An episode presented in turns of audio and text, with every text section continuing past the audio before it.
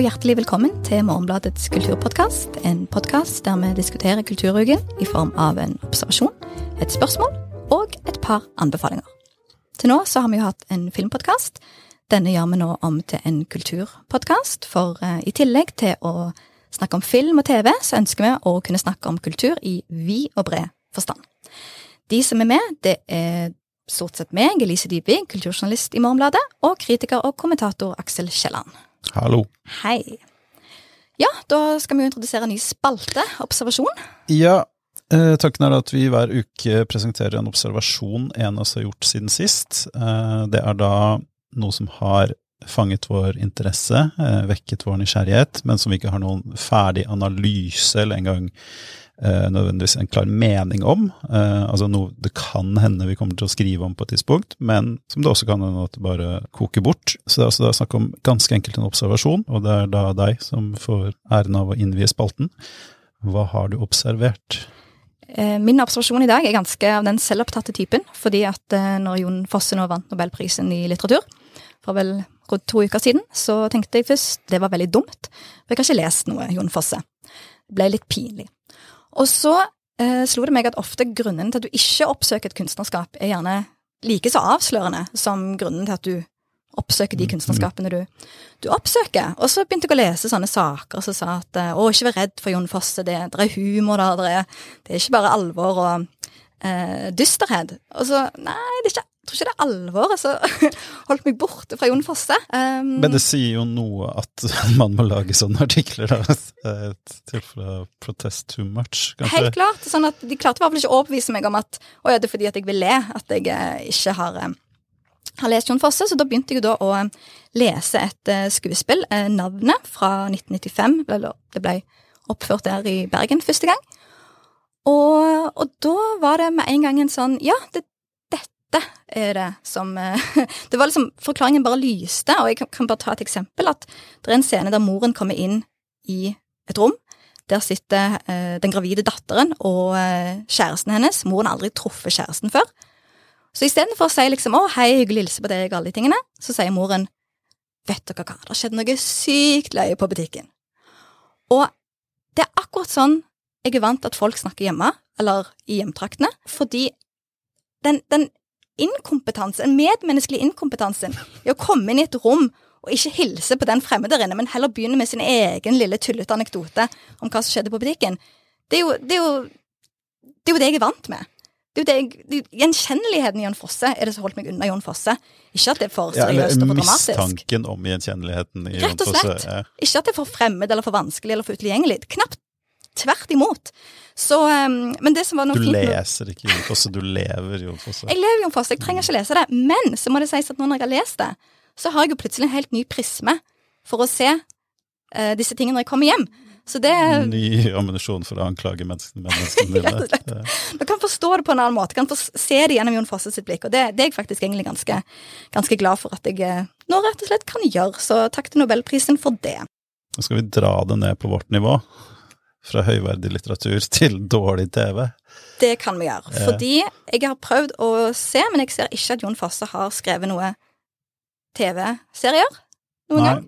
Nei. Det er liksom en, han har skrevet ganske mange sjangre, men manus til TV-serier har han holdt seg unna. Som kanskje sier like mye om TV-serier som de gjør om Jon Fosse. Og når, nå får, når jeg nå skal liksom sette meg ned og se noe serier, da, som jeg føler veldig at høsten har blitt en sånn tid for, så blir jeg slått av tanken at her er det jo ingenting. Hvor, hvor, er, de, hvor er, de, bra seriene henne? Ja, eller som jeg ville sagt, ukas spørsmål er hvorfor er det ingen bra serier å se på lenger? hvorfor? Ja, hvorfor? Jeg har brukt en del tid på å tenke på dette i det siste, og jeg har gått rundt og spurt folk uh, hva de ser på, eller om de har inntrykk av at det er noe alle ser på. For en av ulempene ved å jobbe som uh, Eh, TV-anmelder, er jo at du ser ting før de går på TV, som regel, og mister da mye av den fellesskapsopplevelsen. Og likevel så tenker jeg at jeg har ganske god har i hvert fall en viss idé, da, hvis det er noe som alle ser. Altså Jeg hadde inntrykk av at en god del folk så House of the Dragon. Ingen så Ringenes herre-serien. Og en god del folk så Succession. Eh, men akkurat nå så aner jeg ikke hva folk ser på. Eh, mulig eh, liksom alle kommer til å se Makta når de har premiere om noen uker, men For det er denne Gro Harlem Brundtland-serien. ja. Den, for det er mitt inntrykk, at det er liksom én serie i høst som du bør kanskje tenke på om du skal få med deg, så er det Makta. Mm. Men, men samtidig så er det jo det er jo ikke bare det at det ikke er sånne felles serier som folk snakker om lenger, men for det finnes jo ikke serier overhodet, nesten. Eller når jeg blir møtt av plakater på vei fra tilbake til jobb, så er det jo bare reality med veldig høy kjendisfaktor som dominerer. Sånn at seriene som, som alternativ um, Serien som, er, som var den, er den nye boka, og serien som er den nye filmen, de Ja. glimrer med sitt fravær. Yes. Ja, og, og her er jo da, dette er noe jeg har tenkt på og skrevet om en del en stund. Prøver å liksom eh, innarbeide det at nå, nå befinner vi oss i postkvalitetsæraen.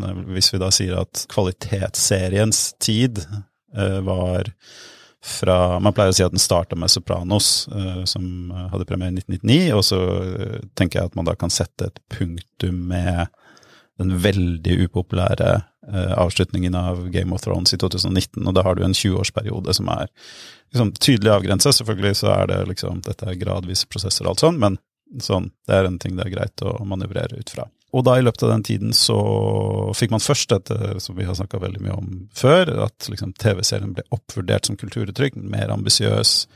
Eh, måtte ikke lenger se den på lineær-TV, så du kunne liksom gi den oppmerksomheten det trengte på DVD eller ulovlig nedlasting eller senere eh, strømmetjenester. Og, og det var liksom viktig for strømmetjenestene når de, når de ble lansert, at de hadde gode serier som folk eh, liksom skrev eh, essay om i aviser, og folk diskuterte og tok på alvor, og, og kalte liksom ja, nye Det var verdt å bruke tiden sin Ja. på dem. Og det, var, det herska en idé blant folk som så mye på TV om at det var viktig å se bra ting. Og så gradvis Det som skjedde da gjennom den eh, æra, tidsperioden der, var at alle de fordommene som mot å se på TV som eksisterte på 90-tallet og 80-tallet, ble totalt brutt ned.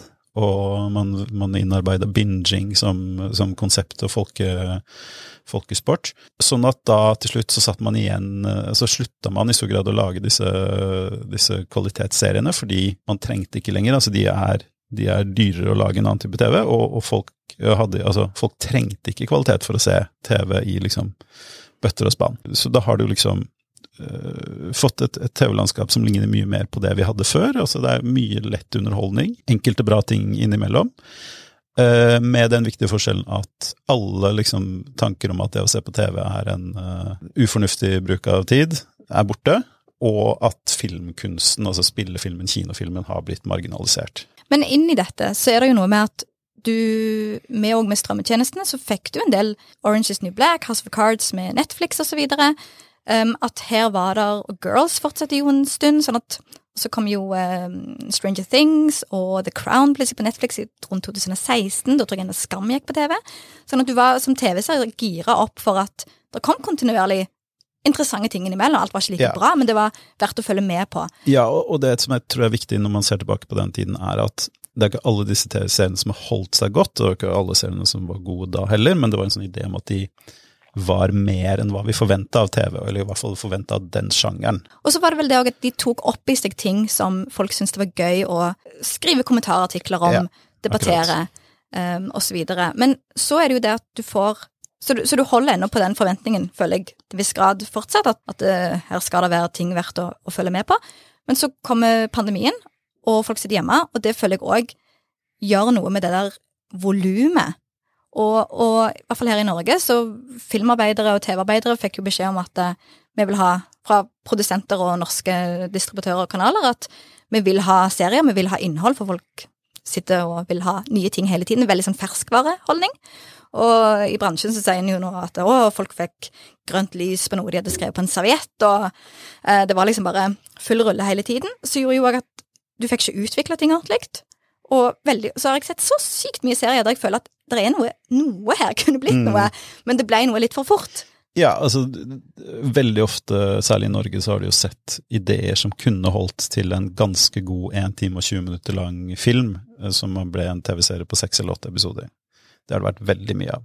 Ja, Og da er tanken at det er vanskelig å lage film, og vært lett å lage TV-serie. Mm. Men så har det jo også at på et eller annet tidspunkt så slutta både kritikere og publikum å diskriminere, da. Og her vil jeg da stille spørsmål til deg, som tidligere uh, i høst skrev en artikkel om at du uh, hadde ledd høyt og hjertelig av uh, NRK-serien som jeg aldri husker om heter Side om side. Side om side, ikke side ved side. Har det noe, og du Hvis jeg husker riktig, så var, så var, spørsmålet i din artikkel har det noe å gjøre med å blitt småbarnsforelder, eller har det noe med serien å gjøre? Mm. Et tredje spørsmål, har det noe med den generelle oppfatningen av kvalitet i TV? Hva du forventer deg av TV? liksom? Det, det tror jeg absolutt. Og så jeg tror jo at når kanaler nå velger å satse på reality med noen kjente navn som gjør noe gøy, versus noe de gjerne sjøl vil presentere som litt ambisiøst og eksperimentelt på seriefronten, så handler det nok òg om publikum at en er lei av å investere seg i ting.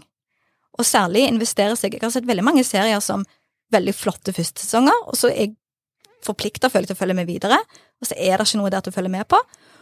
Så takknemligheten over å se en serie sånn som Side om side, der du kan se en episode, så kan det gå tre episoder, du trenger ikke se dem, og så ser du episode etterpå der igjen, og så er du helt like mye med. Da. Så det at det krever mindre av deg, men håndverket er bedre enn de seriene som skulle gi deg noe bedre, på en måte.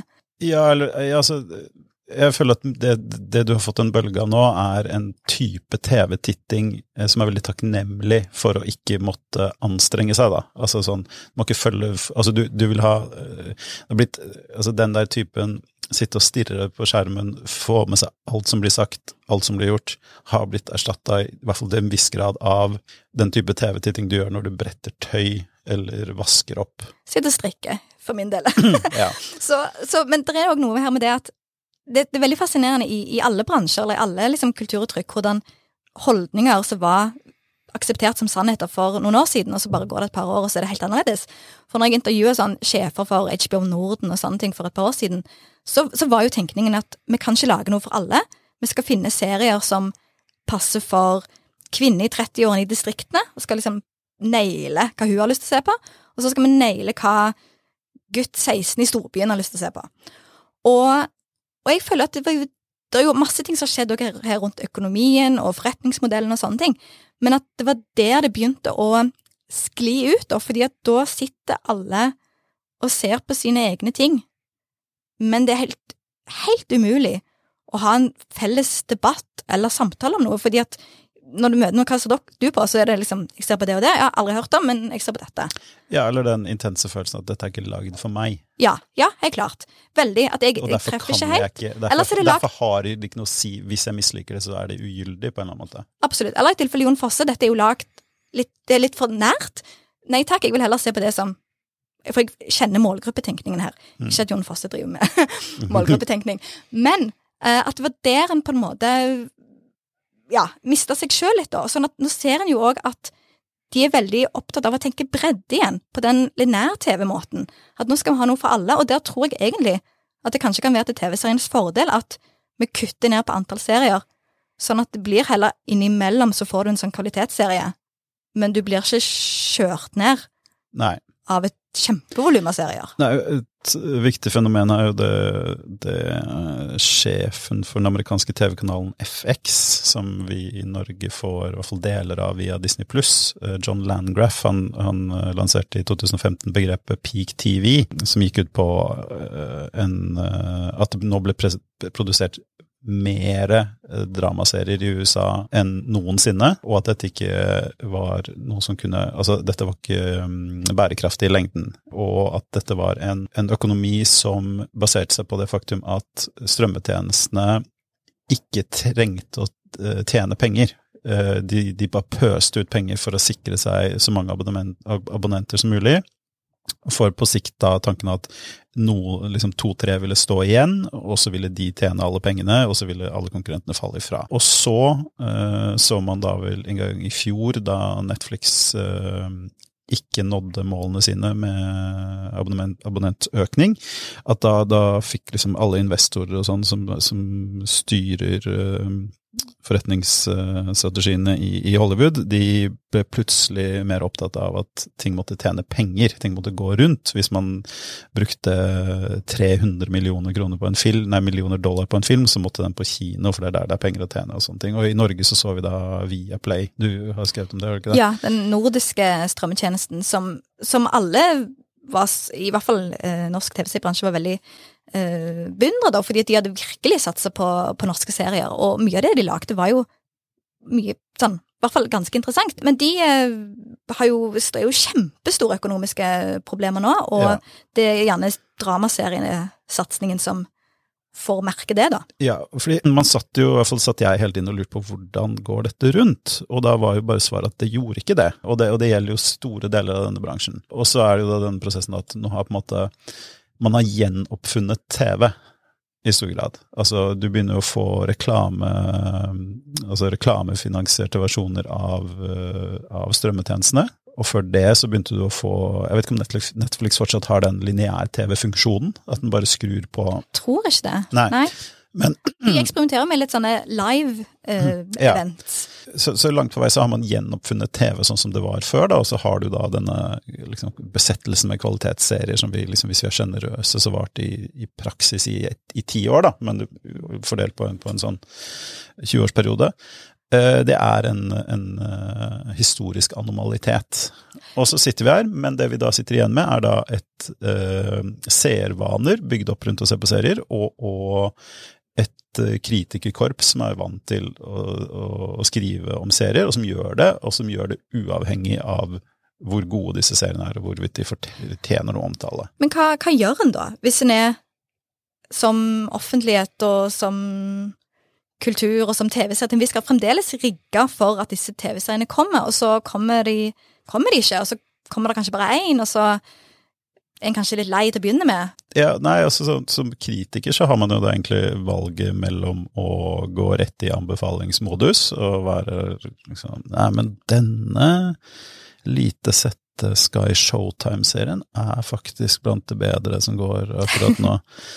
Eller prøve å da utvide perspektivet litt når man skriver om serier som ikke er så gode. Altså prøve å dra inn litt sånn uh, sosial og markedsanalyse i, i det. Mm. Uh, Men og alle oss som på en måte har, har brukt TV-serien som en hobby i ti år, hva skal vi finne på? det, det, er spørsmålet. Hva skal man, altså, og det enkle svaret er å prøve å se litt mindre på TV. Prøve å finne en film, men jeg er jo relativt nylig blitt småbarnsfar, og det, altså det var som jeg, jeg, visste at det var sånn, men nå har jeg fått det bekrefta, er at veldig mye av grunnen til at liksom, i hvert fall kritikerne omfavna TV-serien i så stor grad, var jo at det var så, så, veldig lett. Du satt hjemme og ser på TV, og du kan liksom bryte, du kan stoppe når du vil. og det er ikke noe sånn, En film bør du se ferdig på hvert fall to dager. En TV-serie kan du stoppe så mye du vil, og du kan ikke sant? Så, så man har blitt en sånn en, kanskje en av de viktigste arvene etter kvalitetsserieæraen er jo det, liksom, disse sofavanene, da. Og eh, ser man på liksom, kinostatistikken, så, så er den, det er ikke lett å snu.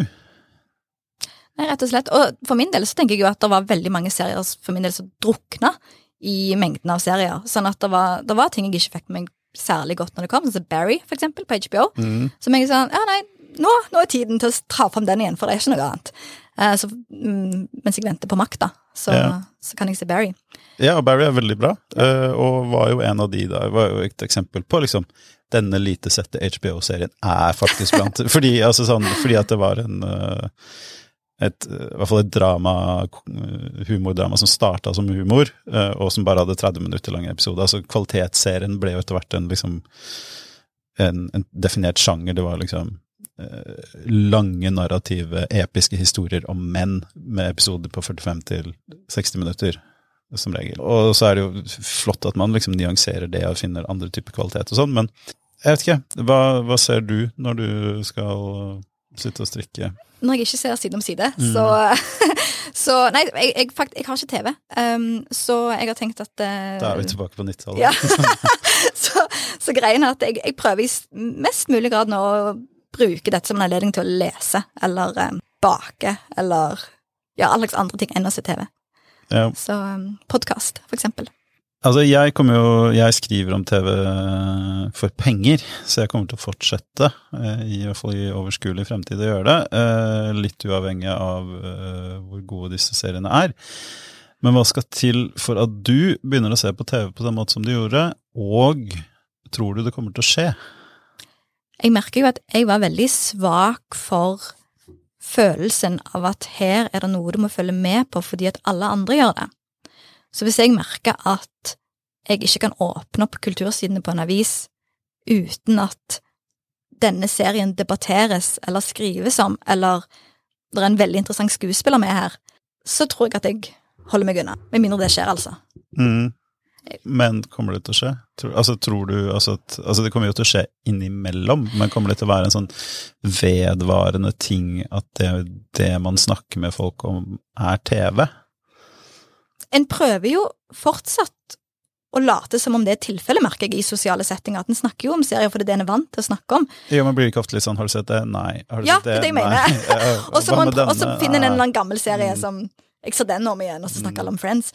Men, men det jeg tror er litt, litt greien her, når jeg var på Seriedagene for et par uker siden, en sånn TV-seriefestival som har vært eh, i Norge et par år, så var det en sånn dansk TV-kjenner som spådde at en av de store trendene framover blir liksom fra true crime til true story. Og det ser du eksempel med Makta, det er basert på virkelige hendelser.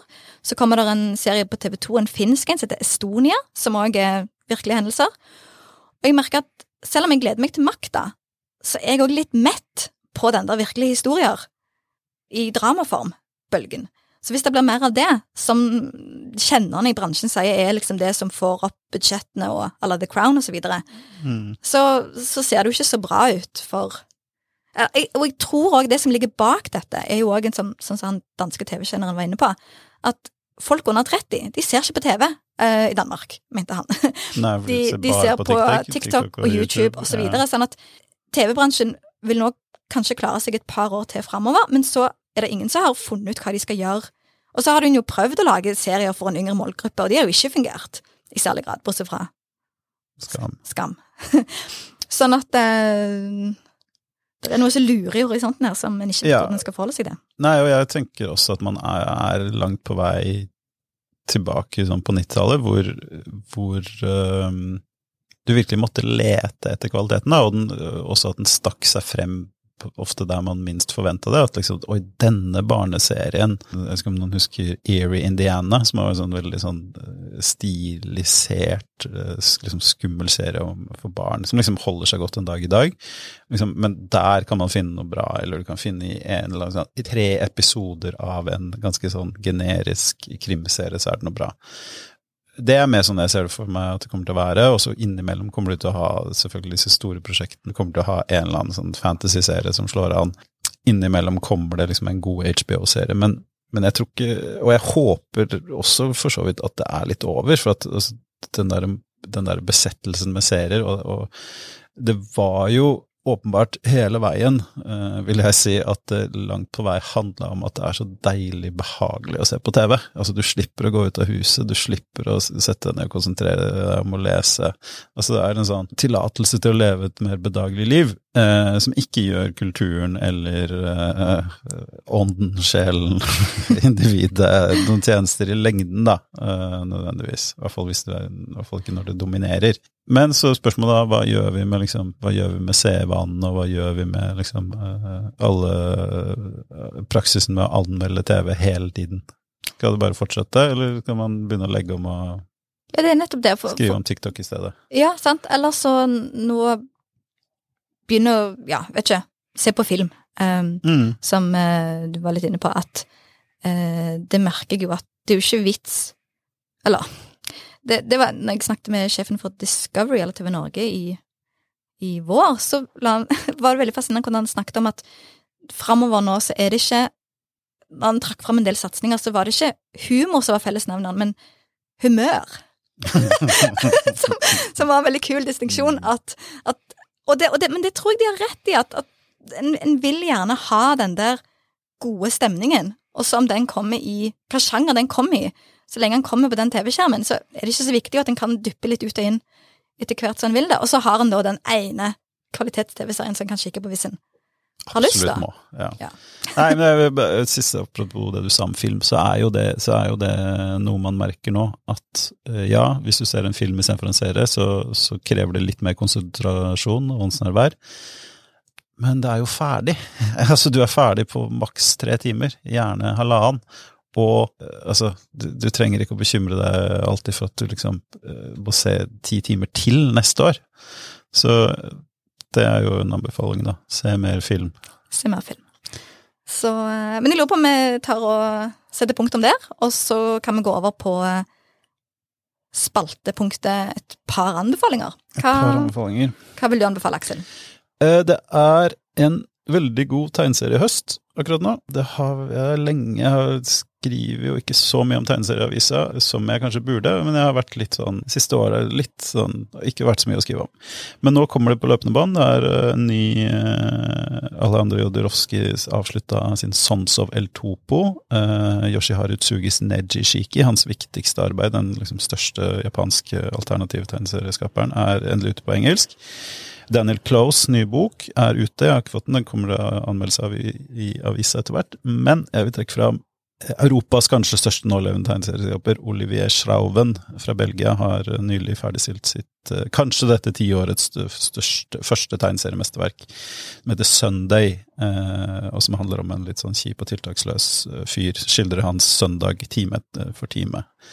Den kan man kjøpe fra, for veldig mye penger på fire bind fra Colorama Books i Berlin, eller man kan vente til det kommer en rimeligere samla utgave på et eller annet tidspunkt. Men veldig, veldig god tegneserie.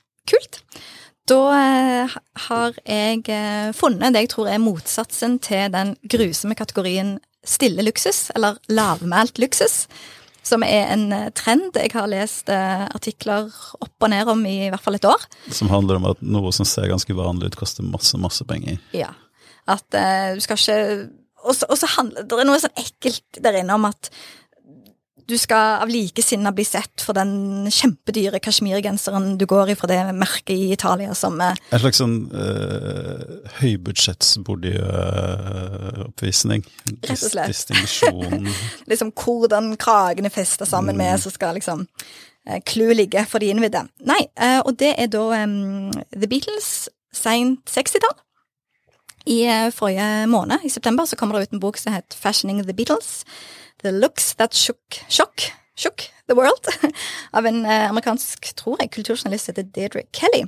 Visstnok så har det bare kommet ut to bøker om Beatles sin klessans. Uh, Fins jo et drøss Beatles-bøker, men veldig få av de som belyser klessansen til, til denne gruppen. Og den er utrolig fascinerende. Og alt om hvordan liksom, George Harrison lærte seg å sy for å sy om skoleuniformen for å få trangere, smalere bein. da, eh, til, For jeg var litt redd for at dette ble bare sånn vag hyllest, men virkelig beskriver liksom hvordan deres idé av hvordan du kunne framføre deg sjøl visuelt og hang sammen med hvordan de jobbet med musikk. Veldig kult. Men du trenger ikke bare gå til den, du kan òg gå rett til Get Back-dokumentaren. Til Peter Jackson, som ligger på Disney. Og bare se George Harrison dukke opp i en sånn rosa, høyhalsa genser eh, den ene dagen. Sånn sennepsgul eh, genser den andre dagen. Og veldig, veldig fascinert. Så det er en sånn miks av kordfløyel og silkeskjerf og ja, fargerike ullgensere. Jeg er i hvert fall veldig bergtatt, og skal i hvert fall kle meg sånn i høst, er tanken. Så da gjenstår det bare å si eh, tusen takk til produsent Kristine Aas, og at ansvarlig redaktør er Sunn Heidi Sæbø. Vi snakkes.